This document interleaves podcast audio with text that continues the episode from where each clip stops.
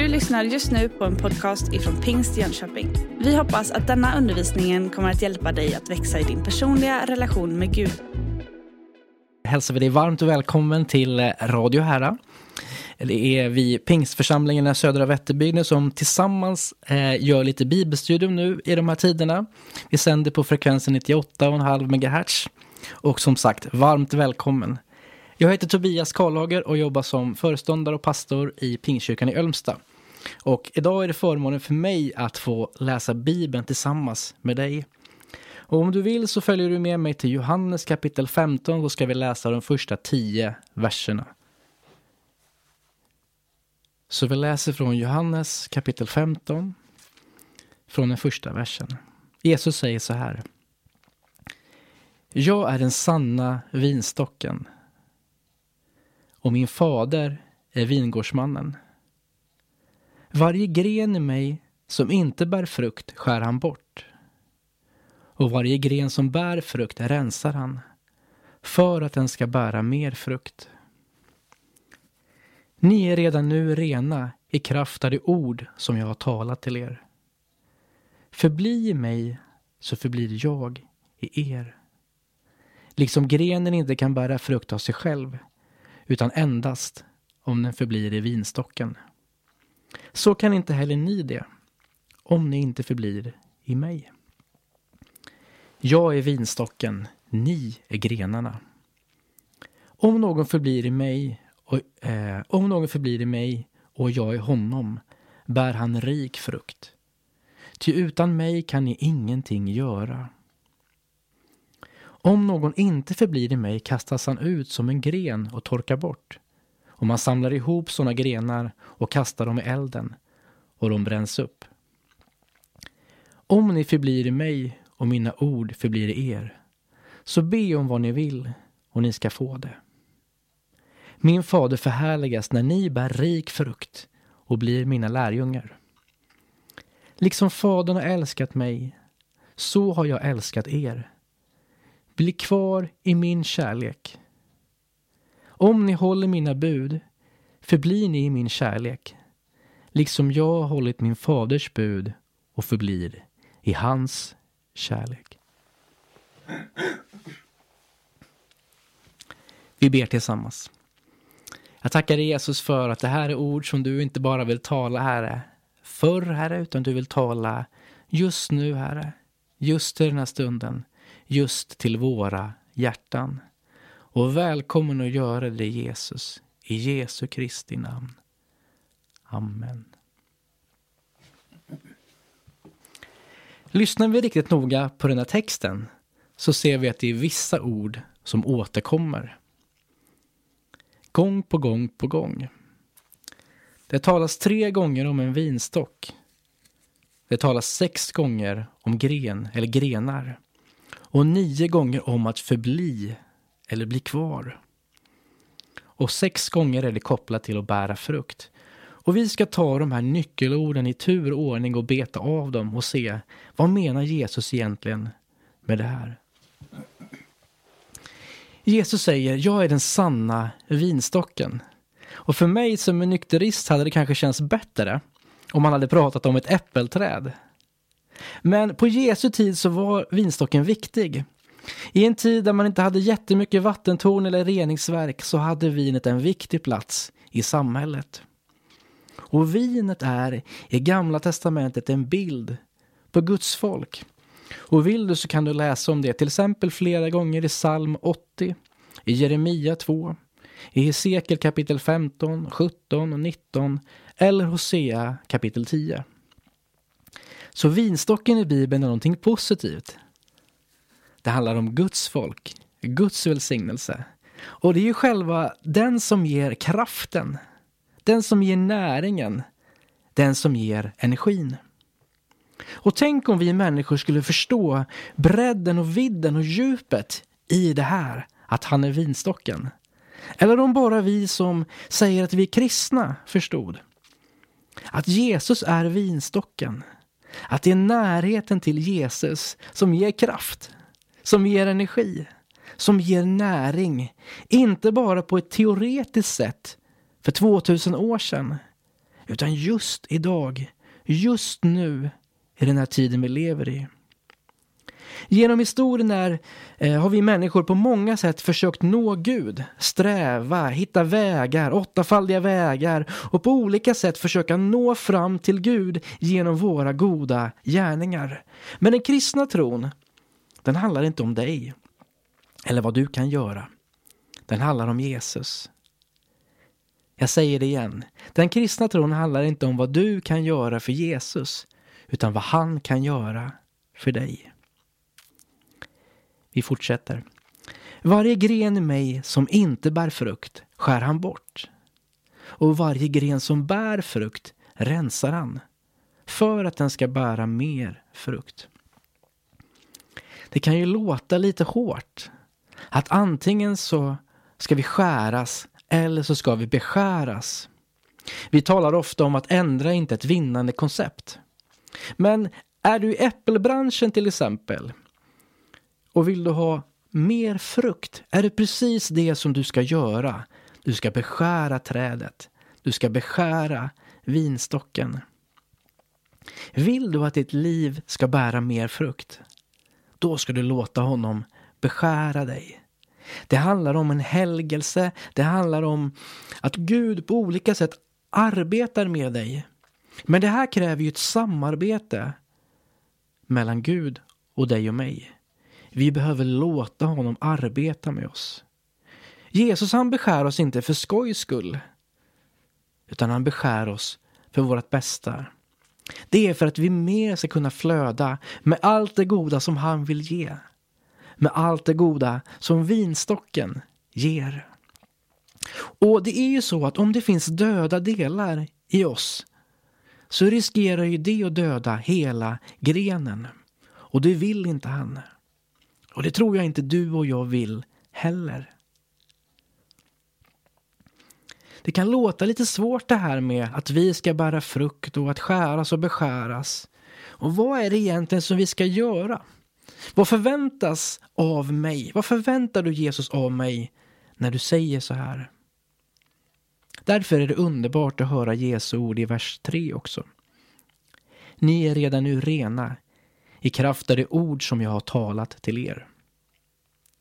Det handlar inte om någonting som du och jag ska göra, förtjäna eller prestera eller lyckas med eller ens bära frukt.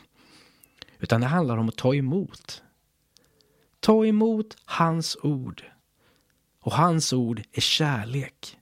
Att ta emot hans kärlek kommer alltid vara utgångspunkten i det kristna livet. Inte att vi gör någonting fint för Gud först, utan att han älskar oss först och att den kärleken sedan får flöda ut i våra hjärtan, ut i våran liv, ut i våran vardag och ut i våran värld.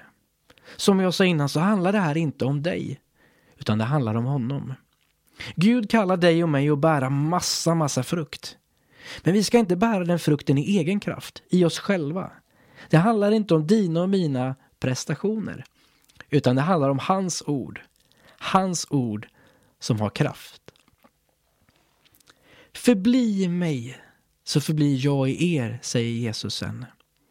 Liksom grenen inte kan bära frukt av sig själv, utan endast om den förblir i vinstocken, så kan inte heller ni det om ni inte förblir i mig. Ibland tror jag Gud är lite frustrerad. Inte på framförallt kanske att vi misslyckas eller våra fel. Utan att vi förstår honom fel och att vi läser Bibeln på ett fel sätt. För hur ofta har vi som kristna inte gjort Guds gåva till tungt krav? När Jesus säger Kom till mig alla som arbetar och bär på tunga bördor. Så ska jag ge er vila. Jag ger kraft. Jag ger mitt ok som är milt och min börda som är lätt. Men till och med sådana kärleksfulla ord från Jesus själv kan bli en tyngd och en börda när vi tänker att det är någonting vi ska prestera själva. Guds gåva blir lätt ett krav och därför tror jag Gud kan vara lite frustrerad ibland. För att han vill så nära nå fram med sin kärlek. Han vill så gärna älska oss först, så kärleken i våra hjärtan och i våra liv blir rätt. Jesus kräver inte att du ska bära frukt för att få förbli i honom. Han säger att du ska förbli i honom. Bli kvar i honom. Sen kommer du bära frukt. Till och med är det så att han vill bo i ditt hjärta och han vill att du ska bo i honom. I Johannes 15 så finns det ett otroligt djup som vi verkligen kan, ja det är verkligen värt att fundera många timmar på vad menas egentligen med den här enorma närheten, det här enorma djupet som Jesus inbjuder oss att komma. Vi får komma in i honom och han får komma in i oss. Men hur kan vi veta då att han verkligen vill det här? Att han verkligen älskar oss och att det verkligen är så här vi ska förstå bibeltexten? Jo, för när Jesus börjar sitt bibelstudium i kapitlet innan så säger han att han är vägen till Fadern. Inte vägen till att få titta på Fadern, inte vägen till att stå i hans hejaklack bara. Vägen till gemenskap med Fadern. Han börjar med kärleksfulla ord i Johannes kapitel 14 och 1 att, eh, att vi inte ska känna någon oro. Ord värda att tänka på i en tid som den här. Sen fortsätter han i Johannes 14 och kapitel 6, eller vers 6. Jag är vägen, sanningen och livet. Ingen kommer till Fadern utom genom mig. Alltså finns det en väg till Fadern. Inte att titta på honom på avstånd, utan en väg att komma nära Fadern. Vi har en möjlighet här att gå på som Jesus har öppnat. Det var ingen väg som vi byggde själva. Det var en väg som Jesus byggde åt oss. Han som är vägen, sanningen och livet. Vidare säger Jesus i, fortfarande i Johannes kapitel 14, nästa vers, vers 7. Har ni lärt känna mig ska ni också lära känna min far. Och nu känner ni honom. Det handlar om kärlek. Det handlar om närhet. Det handlar om att komma nära Gud så intimt och så nära som det bara går. Och det verkar ju som att det går att göra det. Det verkar som att det inte bara är en fin teori som vi måste vänta på att få uppleva tills vi eventuellt skulle komma till himlen. Nej, nu känner ni honom, säger Jesus. Att lära känna Jesus och att lära känna Fadern, en inbjudan, en möjlighet som vi alla har genom Jesus. När Bibeln säger att vi ska känna Fadern och känna Sonen handlar det inte om en ytlig bekantskap så som vi menar med att vi kanske känner någon. Ordet handlar om den allra djupaste gemenskapen som går att få. Det handlar om att bli ett. Det finns ett otroligt djup i Bibelns översättningar, i grundtexten av just det här att känna, att komma nära, att bli ett. Man kan ju tveka på sig själv ibland. Vill verkligen Gud det här? Vill han verkligen komma nära mig? Men faktiskt är det så att Gud vet precis vad som finns i oss, i våra liv, i våra hjärtan. Styrkor och svagheter. Men det vill han ändå. Han vill komma nära. Jesus säger så här, fortfarande i kapitel 14.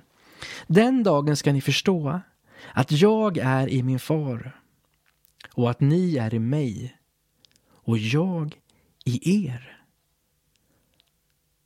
Jag läser det en gång till för det här är otroliga, otroliga ord. Den dagen ska ni förstå att jag är i min far, att ni är i mig och jag i er. Otroliga, otroliga ord. Jag vet inte om du hörde. Om det gick att ta emot.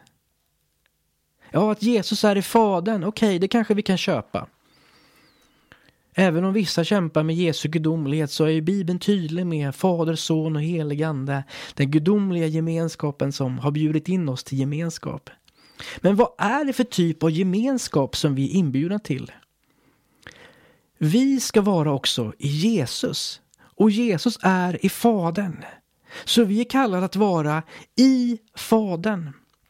Ja, inte bara det, utan Jesus säger att han är i oss. Och så förklarar han att det handlar inte om vad vi ska göra. Det handlar om att älska. I slutet av Johannes evangeliet kapitel 14 så står det så här i vers 23. Om någon älskar mig, alltså om någon bjuder in Jesus i sitt hjärta, håller han fast vid mitt ord. Det är inte ett lagord vi ska hålla fast i, utan det är Guds kärlek. Guds kärleksord till oss, att Gud älskar oss. Och min far ska älska honom. Det innebär inte att fadern börjar älska dig när du håller fast vid hans ord. Det innebär att faderns kärlek börjar kunna strömma till dig när du öppnar upp för det. Komma nära med sin kärlek. Och både Jesus och Fadern och också den helige Ande ska bo i oss, flöda, vara närvarande. Jesus är vinstocken som vill flöda in med sin kärlek. Fadern, Sonen och den helige Ande vill bo i dig. Det finns en gudomlig gemenskap som alltid har funnits från evig tid och i den gemenskapen är du inbjuden. Inte bara på läktarplats. Inte bara sitta i himlens studio och applådera på given signal. Är du välkommen in i gemenskapen. In så nära det bara går. In i Jesus och in i Fadern. Det är alltså ett erbjudande från Jesus själv att vi får komma till honom. Och vi läser i Johannes 15 om hans kärlek och om den inbjudan vi har att få komma in i honom. I Johannes kapitel 15 och vers 5 så läser vi också Jag är vinstocken, ni är grenarna. Om någon förblir i mig och jag i honom bär han rik frukt. Ty utan mig kan ni ingenting göra. Jesus är vinstocken. Och sedan står det sex gånger i de kommande verserna att vi är grenarna. Vad gör grenen? Ja, grenen har ju inte liv i sig själv. Grenen presterar inte saker i sig själv. Grenen tar emot. Den släpper igenom näring. Den släpper igenom liv och bär frukt. Grenens uppgift är ju inte att bära frukt i sig själv, att prestera själv, utan det är att släppa igenom livet som kommer från vinstocken som är Jesus. Och här har vi ett nyckelord för oss i hela det här kapitlet, att förbli. Att bli kvar i Jesus. Du ska inte frälsa dig själv. Du ska inte sätta dig själv på vinstocken. Det är bara Jesus som frälser. Men din uppgift är att när han frälst dig, när du låtit honom frälsa dig, att bli kvar i gemenskapen med honom. Jesus kallar inte dig att ta tag i ditt liv.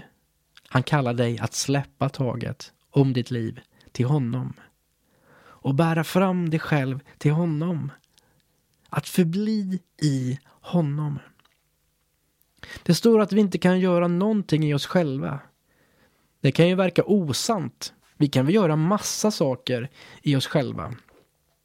Men faktiskt är det så att när det gäller Guds rike, det enda vi kan göra för att bygga Guds rike, det är att låta hans kärlek flöda in i oss, flöda ut i oss och flöda runt oss. Det här låter kanske lite för bra för att vara sant, tycker du. Vi måste väl göra någonting själva? Nej, själva ska vi inte göra någonting. Vi ska inte göra någonting utan honom. Vi ska göra det med honom. Här tror jag religionerna och ibland också vi som kristna har missförstått hur Gud är, hur älskande han är och hur kärleksfull han är. För vi gör inte saker för relationen med Gud. Vi gör det från relationen med Gud. Gud har redan, gett oss relationen med honom. Och utifrån den relationen kallar han oss att leva våra liv.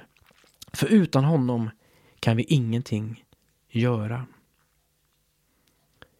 I vers 6 så fortsätter Jesus och säger Om någon inte förblir i mig kastas han ut som en gren och torkar bort. Och man samlar ihop sådana grenar och kastar dem i elden och de bränns upp. Och här kommer ju förklaringen till vers 2 som vi kanske kunde tycka var lite hård. Det handlar inte om att du ska bära frukt för att bli godkänd. Det handlar om att du ska bli kvar i Jesus. Förbli i Jesus. Om vi som grenar inte blir kvar i Jesus så torkar vi bort. Och då är det vi som har lämnat Jesus, inte han som har lämnat oss. Men om vi blir kvar i Jesus och i hans närhet, då kommer ju livet strömma in från honom, in i våra hjärtan av sig självt. Om grenen inte vill vara kvar i vinstocken är det ju inget konstigt att den skärs bort. Utan vinstocken kommer den torka och dö. Men det vill inte Gud. Det är därför han gång på gång på gång bara som, det är som att man hör hans hjärta bli kvar, förbli i mig. Gud längtar ju efter att du ska bli kvar i honom. Därför säger han det gång på gång på gång. Bli kvar, förbli i mig. Förbli i mina ord, förbli i min kärlek, förbli i mig, i min fader. Och här skulle jag vilja säga även till dig som kanske upplever någonting tufft just nu. Att även när det är svårt, även om du kanske upplevs att ditt liv beskärs, att det är saker som du får jobba med och kämpa med. Ingenting ont kommer ifrån från Gud. Gud kan bara göra ljus. Men ibland kan omständigheter komma som prövar oss. Du kan uppleva att ditt liv beskärs. Men förbli i honom. Jesus beskär inte dig för att han vill skära bort dig. Jesus beskär därför att han vill att du bättre ska kunna ta emot hans närhet, hans kärlek, hans liv, hans hopp, hans tro, allt gott och alla löften som han har gett oss. De vill han ska börja strömma in i ditt och mitt liv och det händer när vi förblir i honom. Och Gud, han måste ju verkligen älska gemenskapen med oss. För det står elva gånger i de här tio verserna vi läste att vi ska bli kvar eller förbli i honom. Man kan fråga sig, vad är det då vi ska bli kvar i? Jesus säger så här i vers 7. Om ni förblir i mig och mina ord förblir i er så be om vad ni vill och ni ska få det. Det är ju häpnadsväckande ord. Att om vi blir kvar i Jesus, då kommer hans kärlek, hans vilja, hans vägledning, hans riktning strömma in i våra liv. Och när vi får Guds riktning i våra liv, då får vi också det vi ber om. Eftersom vi börjar tänka Guds tankar. Eftersom vi börjar leva ut Guds vilja. Då kommer vi in i ett samarbete och i en harmoni med honom som är vinstocken. Att vi förblir i honom. Och då händer någonting. I vers 8 så står det Min fader förhärligas när ni bär rik frukt och blir mina lärjungar. Jag skulle bara vilja återerövra det här ordet lärjunge. En lärjunge håller sig nära mästaren. En lärjunge lär sig om mästaren. Lärjunge handlar inte om att man måste liksom prestera och få någon form av lön och liksom på något sätt bli godkänd. Lärjunge handlar om närhet till mästaren. Det handlar om närhet till Jesus. Det handlar om att förbli i Jesus. Så fort du hör ordet lärjunge framöver, då vill jag att du ska tänka så. Jesus vill att jag ska vara nära honom. Jesus vill ha med mig att göra. Han vill ta med mig på vandringen. Han vill hjälpa mig. Han vill höra mina korkade frågor. Han vill komma nära mig. Han vill lyssna på mitt hjärtats tankar. Han vill inte ha mig på distans. Han vill att jag ska vara lärjunge. Tänk att vi får leva liv där vi kan få bära frukt. Där vi får vara hans lärjungar. Nära honom. Kan du tänka dig att du får vara nära Gud? Kan du tänka dig att du får vara i Jesus? I Fadern? Få ha gemenskap med den helige Ande. Och att när du lever det här livet nära honom så får ditt liv peka på hur stor Gud är. Fadern förhärligas. Jesus avslutar med att säga, liksom Fadern har älskat mig, så har jag älskat er. Bli kvar i min kärlek. Min fråga till dig idag, tror du att Fadern älskar Jesus? Svaret måste ju bara vara ja. Och liksom Fadern har älskat mig, säger Jesus, så har jag älskat er. Börjar ni förstå med vilken kärlek som Gud älskar oss? Vilken kärlek som Jesus har för oss. Så älskar Jesus oss. Så älskar Fadern oss. Och här har vi hela utgångspunkten för den kristna tron. Inte en religion utan en relation. Kärleken består inte i att vi i religiösa handlingar har älskat Gud. Utan den består i att han älskar oss och har sänt sin son till försoning, till förlåtelse för våra synder. Jag säger ofta till mina barn, jag har tre stycken härliga barn hemma. Tio, åtta och fem år är de. Och jag säger ofta till dem, vet du vad du behöver göra för att pappa ska tycka om dig? Och åtminstone de två äldsta vet exakt vad de ska svara. Nästan så att de tycker att det är lite tjatigt. Ja. Vad då, då frågar jag. Ingenting, svarar de.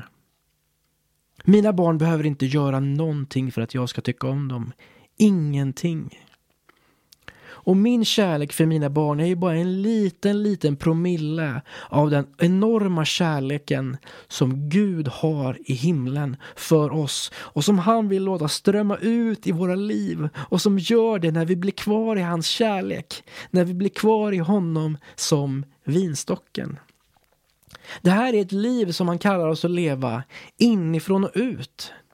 Vi är vana med att, att vi ser saker, vi tar intryck, vi känner, vi luktar, vi använder våra fem sinnen för att tolka världen. Men faktiskt är det så att Bibeln talar om himmelska sinnen, andliga sinnen som vi kan få börja använda. Öppna ögon, öppna öron. Jesus talar om de här sinnena för han vill strömma in med allt sitt goda och han vill att vi ska få input från honom. Det är därför Jesus pratar om ni har ögon men ser inte och öron men hör inte. Det finns andliga sinnen. De aktiverar vi när vi förblir i Jesus, när vi blir kvar i hans kärlek. Vi ska leva våra liv inifrån, där han bor, och ut. Och ibland så missar vi det här enkla, det här grundläggande i det nya förbundet som Jesus kommer med. Ibland sätter vi upp visioner, mål och agendor och allt möjligt. Alla saker vi ska göra för Gud. Men det vi måste börja med måste alltid vara det första, det viktigaste. Och det är inte att du och jag ska älska Gud. Utan det är att han har älskat oss och börjat ta emot den kärleken. Och om det här är sant, det som Jesus säger, det som vi läser om i första Johannes 4.18. Om det här är sant så ska vi inte göra något för Gud, men vi ska göra allt med Gud. Vi ska kämpa, det är klart vi ska göra det. Men vi ska inte göra det i egen kraft. Utan det finns ett flöde från himlen som ska strömma in i våra liv och ge kraft. Hans ord som har kraft. Hans kärlek som ger kraft. Vi ska bli kvar i hans kärlek. Du är redan älskad av Gud. Du behöver inte prestera. Vet du vad du behöver göra för att Gud ska tycka om dig? Du behöver inte göra någonting. Han har visat sin kärlek. Han har öppnat famnen. Och även om det är så att du nekar och inte vill komma till honom eller bli kvar i honom så är hans kärlek exakt lika stark för dig. Hans blödande hjärta, hans blödande händer, hans blödande fötter på korset ropar ut att det är fullbordat. Vad är det som är fullbordat? Ja, vägen till Fadern. Hindren är borttagna. Vägen till Fadern är öppet. Och vi läser i Hebreerbrevet kapitel 10 och 19 att vi har en ny och levande väg som vi kan gå in frimodigt in i det allra heligaste fram till Gud. Vi är välkomnade in i gemenskapen med Gud. I gemenskapen med Gud så handlar det inte om din och min prestation. Utan det handlar om en relation med Jesus. Och ibland missförstår vi när vi hör eller när vi läser Bibeln. Då tänker vi att vi ska, om vi läser tillräckligt mycket, då gör det nog skillnad. Jag tror att det är bättre att förstå i sin ande, i sitt inre, ett bibelord än att kunna hela Bibeln utan till.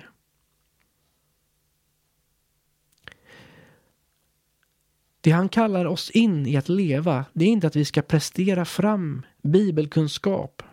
Vi ska inte prestera fram en förståelse med vårt förnuft av Jesu ord, utan vi ska lära känna sanningen och sanningen som är Jesus ska sätta oss fria. Du ska lära känna Guds ord. Du ska smaka för Guds ord. Du ska ta emot det i ditt hjärta. Om jag får vara lite personlig här i avslutningen så är jag så otroligt tacksam. Jag är så otroligt tacksam till Gud. Jag är så tacksam att jag blev frälst. Jag är så tacksam att jag blev vad Bibeln kallar andedöpt också. Jag fick börja tala ett bönespråk tillsammans med Gud. Men jag är också så tacksam för det sista året tillsammans med Gud. Då jag verkligen har fått, känner att jag har fått komma nära Gud. Då jag känner att jag har förstått vad det innebär att förbli i honom. Att förbli i hans närhet. Jag vet när jag jobbade i Nyköping så Eh, så, så jobbade jag i en ekumenisk församling, härlig församling och jag ehm, men, men, samtidigt som jag jobbade i kyrkan och skulle hjälpa andra människor att tro på Gud så började jag tvivla. Gud kändes långt bort. Det kändes som att Gud inte svarade. Det kändes som att Gud inte hörde. Jag kände hur tvivlen växte. Och jag visste inte vad jag skulle göra av det. Det enda jag kunde göra var att närma mig Jesus och det som Jesus hjälpte mig att förstå, det som han förklarade för mig då, det var att alla mina fina böner, jag var en proffsbedjare. Det spelade ingen roll om jag inte längtade, om jag inte ville. Därför att det handlar inte om en prestation vi gör för Gud. Det handlar om en relation och en närhet vi får ha i honom. Och Gud frågade mig helt enkelt, varför ber du? Ber du för att ha bett? Eller ber du för att du vill komma nära mig? Gud började beskära mig och Gud utmanade mig att börja ha en verklig relation med honom. Att verkligen lära känna honom. Och jag fick börja be på ett nytt sätt. Vill du förbli honom i din bön och i din bibelläsning ska du inte försöka göra så mycket du kan och prestera fram. Nyckeln kommer alltid vara det som är nyckeln i alla relationer. Att du vill, att du längtar och att du öppnar upp för relationen. För hans ord, för hans kärlek. Och gör inte det här som en övning i ditt huvud. Gör det här som en övning i ditt hjärta. Du ska inte skriva en uppsats med massa teorier på hur du kan bli kvar i hans kärlek. Gud är inte, inte, inte intresserad av det. Utan du ska öppna ditt hjärta, börja smaka och se hur din längtan växer. Det som händer när man kommer nära Jesus, det som händer när man får uppleva en liten stund med Jesus, det är att man börjar smaka någonting gott. Och då har man världens läge att närma sig, att komma djupare, att bara öppna upp sitt hjärta, öppna upp hela sin varelse för närheten till Jesus. Och när du får smaka Jesus kärlek, då är jag övertygad om att din längtan efter att vara nära honom kommer att bli ännu starkare. Eh, min, eh, min fru var på en, eh, en bibelskola och jag besökte henne där för några år sedan. Och då var det en som hade profetisk gåva som, som sa till mig att um, han pratade på engelska, han sa att jag upplever att, att jag har ett ord till dig så här, någonting att säga och jag upplever att Gud saknar dig. Och jag blev helt förkrossad. Jag kände att jag var en dålig kristen. Jag kände att jag borde vara så bättre. Jag kände att jag hade inte lyckats som kristen. Och då var det tur att jag hade en vis fru. För när jag gick in till henne och pratade med henne om det här så sa hon, du fattar ju helt fel. Gud älskar ju dig. Det är ju en förmån att han vill vara tillsammans med dig. Och den insikten skulle jag också vilja skicka med dig här. Innan du läser Bibeln när du läser hans ord eller när du lyssnar till hans ord. Gud vill vara nära dig. Det är inget krav, det är en gåva. För att han älskar dig, för att han är din far. Jag skulle också vilja skicka med Lyssna till Jesu ord av kärlek. Låt, låt något bibelord få fastna, smaka på det riktigt länge. Som Bibeln säger, läs det högt för dig själv många gånger och låt det bli uppenbarelse. För det här är ingen övning som gör att du ska förstå med ditt förnuft. Det här är någonting som du förstår och hör i hjärtat. Och låt Gud få tala genom sig själv, genom sitt ord. Guds ord är ju en fantastisk språngbräda i gemenskapen med Gud. Det som jag har fått uppleva i mitt liv sista året. När jag börjar lyssna eller begrunda eller eh, eh meditera som eh, så många bibelöversättningar använder som ord. Och när vi säger meditera då tänker vi inte meditera som andra religioner gör. Att tömma sig själv och hoppas att någonting positivt kommer. När vi mediterar eller begrundar eller fördjupar oss, då gör vi det i våra hjärtan och fäster våran blick på Jesus.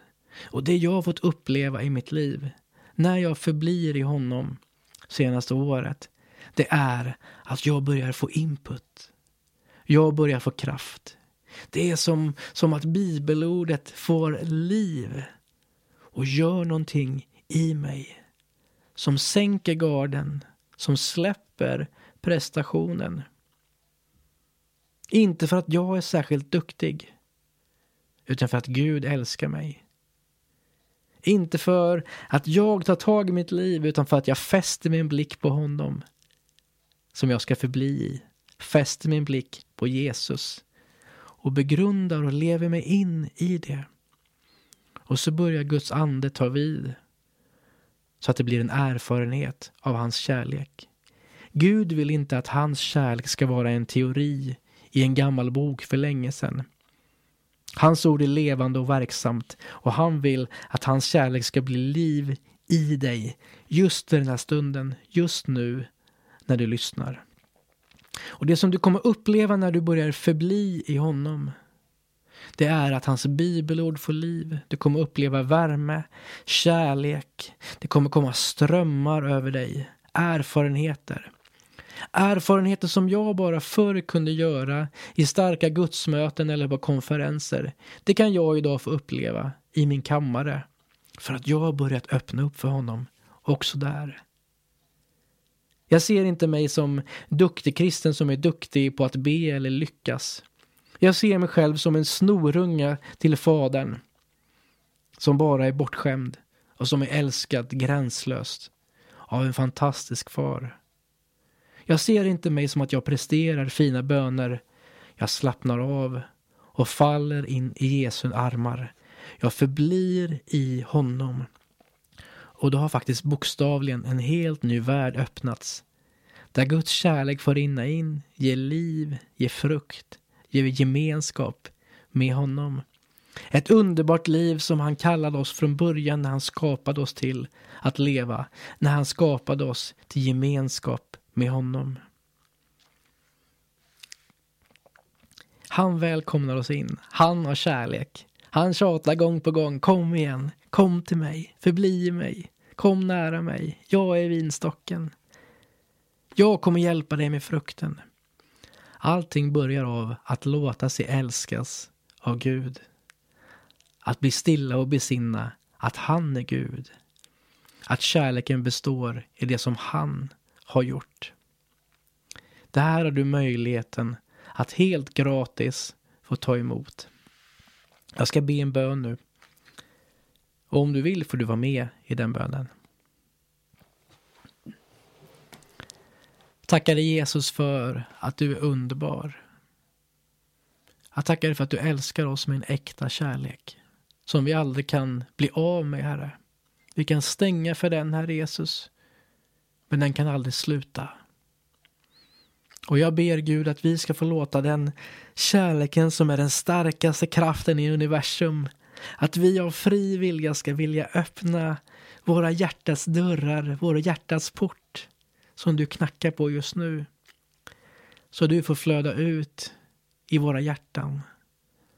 Flöda ut i vår ande. Flöda ut i våran själ. Flöda ut i våran kropp. Tack att du kallar oss att leva ett underbart liv inifrån och ut. Utifrån din kärlek kan vi få växa och bära frukt. Tack för din enorma kärlek som du visade oss. Vi vet att vi inte förtjänar den kärleken. Men vi börjar förstå och ana att vi är älskade av den kärleken. Vi börjar snegla lite på glänt hur stor den kärleken är. Den kärleken som gjorde att Fadern sände Sonen hit till jorden. Den kärleken som gjorde att du kom hit Jesus och dog på korset. Den kärleken som Fadern älskar Sonen med. Den älskar du också Jesus oss med. Och låt oss i Jesu namn få öva oss att ta emot den kärleken. I Jesu namn. Amen. Du har just lyssnat på en podcast ifrån Pingst Jönköping. För att få reda på mer om vilka vi är och vad som händer i vår kyrka så kan du gå in på pingstjonkoping.se eller följa oss på sociala medier via pingstjkpg.